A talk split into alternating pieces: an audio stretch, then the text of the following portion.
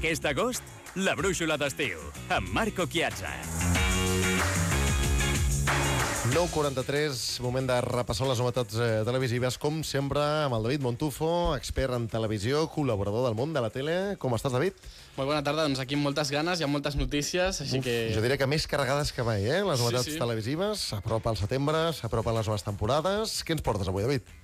Doncs mira, bueno, primer de tot, eh, recordar la, la, bueno, la mort d'Olivia Newton-John, que ahir vam Sí. conèixer la notícia, Sí. trista notícia, després de 30 anys d'un càncer que, que tenia, que va, bueno, va tenir tres cops, no? Mhm. I ara l'últim de tots doncs, ten, va tenir metàstasi i la cosa s'ha complicat i, i no ha pogut a- aquest cop. De fet, ens hem preguntat avui que, que què significa, no? Uh, Oliver Newton-John, que per molta gent doncs, significa moltíssimes coses.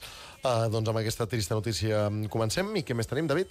Doncs mira, eh, un tema que per mi és molt interessant, el Benidorm Fest, que va suscitar molt, molta, molts temes, moltes Sí, sí, polèmiques, sí, sí, sí. Molt, molt a parlar. No torna a reenganxar la gent a Eurovisió, jo crec. Que està, Totalment, totalment. De fet, eh, bueno, ara t'anava a dir, la Mònica Naranjo, que serà qui presentarà aquest any eh, l'edició, eh, ha dit que ella estava desencantada amb els últims anys de- d'Eurovisió, no havia perdut la il·lusió que es tenia feia anys, anys enrere, i que ara sí havia tornat amb la Chanel i amb tot el que havia suposat el Benidorm Fest, havia tornat a agafar il·lusió i aquest any per fi doncs, ella ho presentarà i jo agafa moltes ganes. I esperem que amb menys polèmica, eh?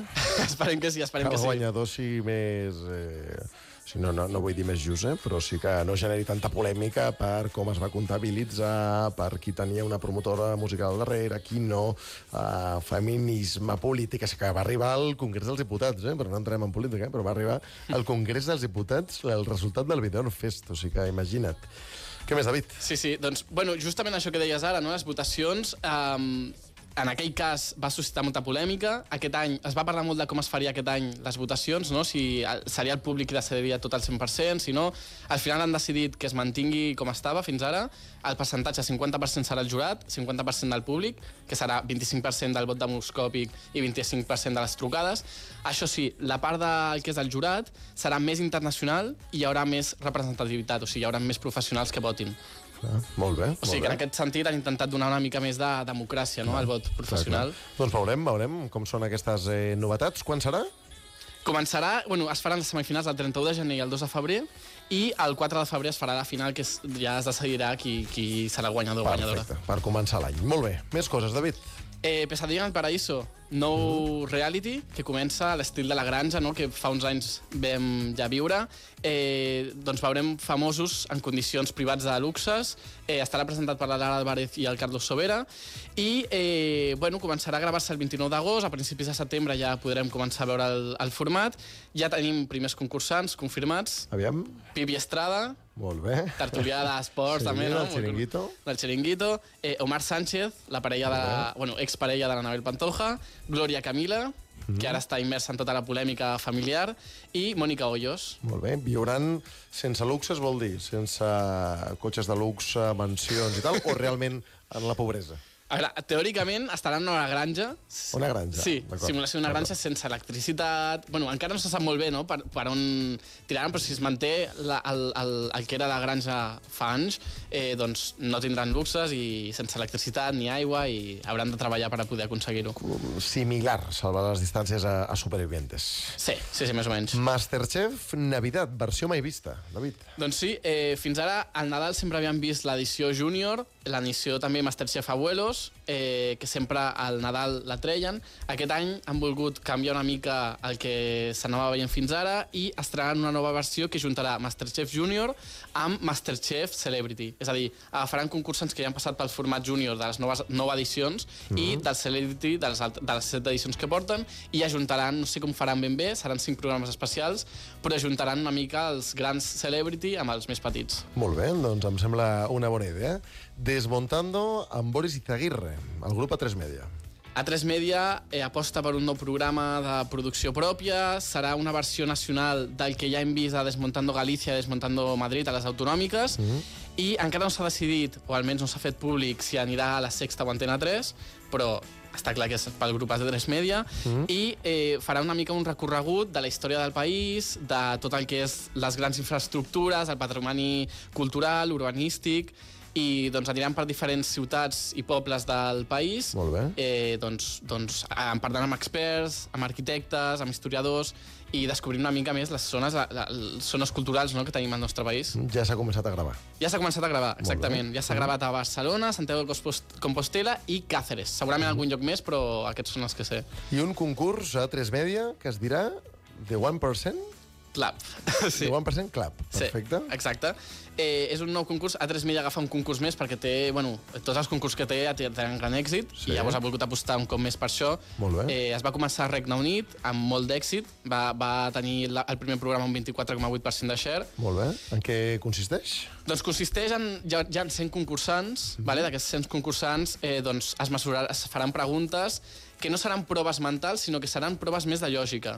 Mhm. eh, doncs els concursants hauran de sometre's a aquestes preguntes i començaran per un 90% de preguntes, o sigui, preguntes a un 90% de persones que respondrien correctament, en termes generals, i cada cop aniran reduint aquest percent i 100 preguntes més complicades fins a arribar a l'1%, o sigui, només un 1% de la població sabria respondre aquestes preguntes i si alguna pregunta, ai, si alguna persona aconsegueix arribar en aquesta pregunta, doncs s'emportarà el vot. Empitjora el diagnòstic de Mercedes Milà després del seu accident a França. Doncs sí, eh, fa uns dies coneixíem la notícia, ella estava de vacances a França, anava en bicicleta, se li va aparèixer un insecte, ella en un acte, una acció d'acte reflexe doncs, va voler reaccionar per evitar-ho i es va estampar contra els matorrals, eh, com uns batolls que estaven en fustes i tenien altres objectes per allà ficats, i clar, es va donar un bon cop. I que hi va haver un error de... Clar, que tota la família Milà estiueja a França, sí. sempre al sud de França, i des de fa tota la vida, i tots, i són molts. Uh, però uh, no diagnòstic, perquè hi va haver com un error, no?, inicialment. Sí, sí, sí. O sigui, quan van aconseguir treure-la d'allà, que va costar una mica, la van portar a l'hospital, li van fer un primer diagnòstic on li van dir que, el, que es havia fet una rotura de l'húmer, però havia sigut un cop sec i, per tant, mm, no, no, no requeria d'una operació, però quan va tornar a Espanya van al seu, al, al seu metge, li van fer una, un TAC i van esbrinar que realment s'havia fet una destrossa bastant gran al cap de l'húmer i per tant doncs, li han dit que s'ha de fer una operació d'urgència i bueno, veurem aviam com li va tot, però Sí, perquè l'havíem vist en televisió fins i tot eh, aquest any. Sí, I sí, sí. No sé si tenia previst fer més coses a partir del, del setembre, però l'hem tornat a veure a, a Movistar i amb, amb programes, amb, amb entrevistes molt i molt interessants. Uh, David Montufo, Antonio José interpretarà la capçalera de la nova temporada de Amares para siempre. Així és, eh, bueno, eh, les tardes, la mítica sèrie d'Antena 3, no? Sí. Eh, a les tardes, fins ara, els últims 3 anys, Xenó havia posat veu en la sintonia de, de, la, de la capçalera, no?, de, de la sèrie, i ara, doncs, ho farà Antonio José a partir de la nova temporada, que de moment no, no han aportat nous detalls, però sí que han dit que hi haurà noves incorporacions, eh, com són, per exemple, Paula Ibagoski, Adelfa Calvó, i, entre altres, jo destaco Melanie Olivares, que en l'últim any havien- s'havien fet moltes entrevistes, no? que ella reivindicava molt i parlava de que, doncs, que era un món complicat perquè no, no li sortien molts projectes. Per fi li surt aquest projecte, a més a més és una sèrie diària, per tant és un projecte que li dona bastanta estabilitat i a mi personalment m'ha alegrat la notícia, o sigui que al final una persona que porta bueno, el seu recorregut li donin projectes és sempre bona notícia. I tant. Uh, Hit arranca rodatge de la tercera temporada. Així és, eh, fins ara havíem vist a la televisió pública les dues primeres temporades, a televisió espanyola, eh, sempre tractant temes d'educació, temes d'adolescents. Aposten per una nova temporada, aquest cop parlant de salut mental, tema molt important i d'actualitat. Eh, I hi haurà també noves incorporacions, es, grava, es, es gravarà Canàries i en aquesta nova escena eh, apareixeran nous protagonistes joves, joves artistes, com són la Cristina Alcázar o la Carmen Balaguer. Molt bé. I ja per eh, anar acabant, Laura Caballero revela l'acte masclista que va viure durant un rodatge. Uh, què, què ha explicat d'això? Doncs l'altre dia li, la Carmen Chaparro li va fer una entrevista on li va preguntar per diversos temes. Ella va destacar eh, el, la mítica sèrie de Aquí no hay quien viva, que ella s'encarrega de dirigir-la juntament amb el seu germà Alberto Caballero, eh, que van dirigir aquesta sèrie, també ara estan portant la que s'avecina. Eh... Eh, Els mateixos, eh? Ells mateixos. ells mateixos, ells mateixos. Mm, Sí, per sí, tant, sí. quan jo dic que aquí no hi quien vive era millor que la que s'avecina, en realitat són els mateixos, no? Són els mateixos, els mateixos. Perfecte, perfecte.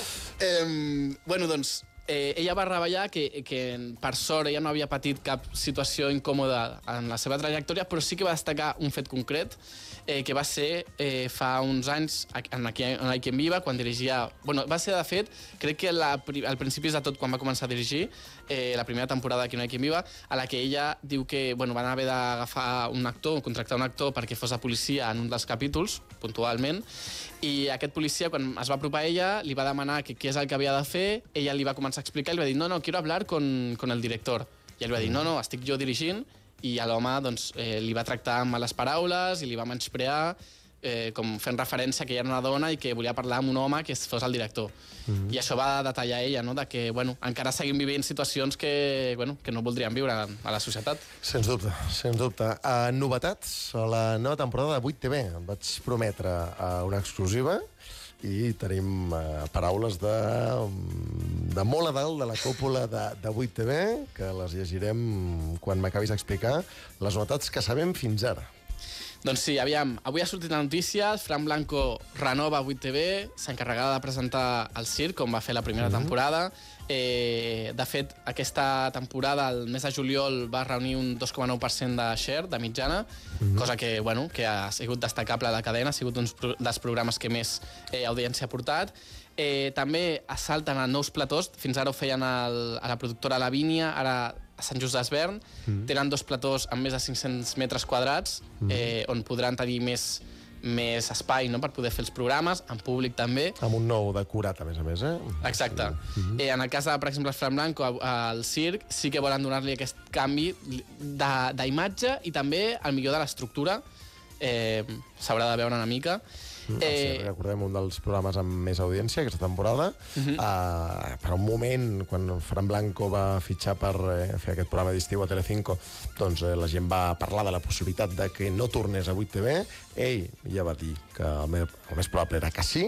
Doncs bé, avui s'ha fet oficial amb una foto entre Nicolà Pedrazzoli i Fran Blanco, en la que jo crec que el que més ha destacat ha estat el tatuatge. El tatuatge. Eh? Això t'anava a dir ara. Un 8 s'ha tatuat. Un 8, un 8. Sembla que, bueno, aposta completament, no? No, no clar. Sí, el tatuatge sí. ja diu molt. No, no, no, vull dir, si algú es pregunta, van en sèrio? Vull dir, es creu en el projecte? Home, se l'ha tatuat. Per tant, eh, com a mínim, amb el número 8 ha mort, per tant, amb aquesta televisió ha mort. De fet, les inversions que, que estan fent i els fitxatges que estan fent doncs, van a la línia d'aquest eh, compromís no?, que tenen amb, amb 8TV. Un 8TV que ha incorporat, per cert, eh, a Saúl Gordillo com a, com a directiu, no? Un Saúl Gordillo que va dirigir Catalunya Ràdio.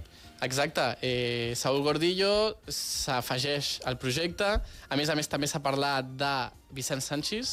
Sí, eh, Eduard Pujol, exdirector de 8TV, que, eh, de RAC1, que també eh, estarà a 8TV, i eh, sí que s'ha publicat que Pedrazzoli va oferir a Sanchis, l'exdirector de, de TV3, a fer un programa pels cap de setmana, al estil de fax, i també s'ha publicat que li va fer una oferta a Jordi Basté, uh -huh. eh, el presentador del món a dels matins de, de rac per dos milions a l'any. Déu Dos milions, déu nhi eh? Déu nhi eh? No, eh, no estava clar si era per la ràdio, que inicialment semblava sí. que 8TV es faria amb Cert Catalunya, o era directament per proposar-li a Jordi Basté fer televisió. Eh? Recordem que Jordi Basté ha fet televisió, però que eh, tothom eh, avui en dia se'l coneix com el presentador de rac no? el presentador estrella de la ràdio catalana, hagués estat un fillatge que hagués revolucionat 8TV, sens dubte. Totalment, totalment. Mm -hmm. Veurem, veurem. El que sí sabem, i hem parlat amb el, eh, bé, sí, amb el Nicola Pedrazzoli, amb la, amb la cúpula de, de 8TV, i ho diu clarament que tenint en compte que TV3 ha declarat que vol deixar de ser la televisió de la política que tothom coneix, que a partir de la propera temporada 8TV se centrarà en l'actualitat, en la informació i en l'anàlisi política en un curs tan important com el que ve. Així que, em diu Nicola, les novetats van en aquesta línia. Revolució total a Graella, perquè tinc sí. entès, es faran no, nous programes, mm -hmm. eh, s'apostarà per no, nous formats. Sí, clar, es manté el Catalunya Opina de Carlos Fuentes. Veurem si Albert Brossa, que va dirigir el Directe a Catalunya i també el 8 al dia, doncs torna a presentar un programa. Recordem que la franja als matins està lliure i els matins és normalment quan no, encaixen més aquests programes d'informació. No? Veurem si 8TV té uns informatius, si mm -hmm. no... Eh, clar, és el que dèiem, no? competir amb TV3 amb, amb informatius és complicat, perquè, complicat. Eh, perquè TV3 té moltíssims reporters i té doncs, eh, persones per tot el territori català, però sí que és cert que si TV3, ho dèiem l'altre dia, no? va cap a, cap a l'entreteniment i deixa la política de banda, és una aposta intel·ligent el que fa 8TV, no? D'anar cap a la política. No? També es parlava molt de, de poder fer un programa els caps de setmana, tipus fax, de preguntes freqüents, del mític de TV3 que es va cancel·lar, eh, i poder reincorporar Cristina Puig, eh, que havia sigut presentadora del format. No sé si serà així, si no, què passarà. S'havia parat també per la ràdio, per Cert Catalunya, la Cristina Puig. Sí, Ah, també, veurem també. si, si acaba a 8TV. Uh, i per tant un fitxatge igual que el de Dani Sabra que també és un gran fitxatge i última notícia, el CAC el Consell Audiovisual de Catalunya autoritza les emissions del nou Canal 4 liderat per Albert Lassan Així és, l'empresari balear, ho comentàvem no, la setmana passada, eh, Cinto Ferrus ha comprat les tres llicències de la TDT de l'àrea metropolitana de Barcelona, Granollers i Sabadell, eh, que fins ara i des de l'any 2006 eren de Nicola Pedrazzoli, i bueno, la intenció d'aquest nou projecte és substituir la cadena local TVCAT, que fins ara doncs, eh, compartia mà de bueno, Nicola Pedrazzoli Sí. no, amb, amb 8TV, eh, i doncs es podrà veure a Catalunya i a les Balears també, eh, a partir del mes de setembre. és a dir, que Albert Lassan compaginarà no? dirigir eh, Rondeando, que es dirà el Rondazo, amb dirigir una televisió Exacte, sí, sí, sí. sí. A més a més, també s'està parlant de que es prepara un programa de zapping que ell havia fet a que TVCAT, ja va presentar, correcte que no se sap, clar, imagino si està dirigint la cadena, si està presentant el programa, imagino que ell no presentarà també el Zippy Zapping, però bueno, veurem per on... Doncs, en tot cas, es tracta d'una bona notícia, jo crec, pel català i pels eh, mitjans a Catalunya, perquè ja tindríem tres televisions a nivell, diguéssim, de tot Catalunya, no? que seria TVCAT, eh, 8TV i, per suposat, eh, TV3. Totalment. Així que, David Montufo, moltíssimes gràcies per aquestes novetats eh, televisives. I A vosaltres. Fins la setmana que ve. Ens veiem. Una que vagi molt abraçada. bé. Molt bona nit. Bona nit.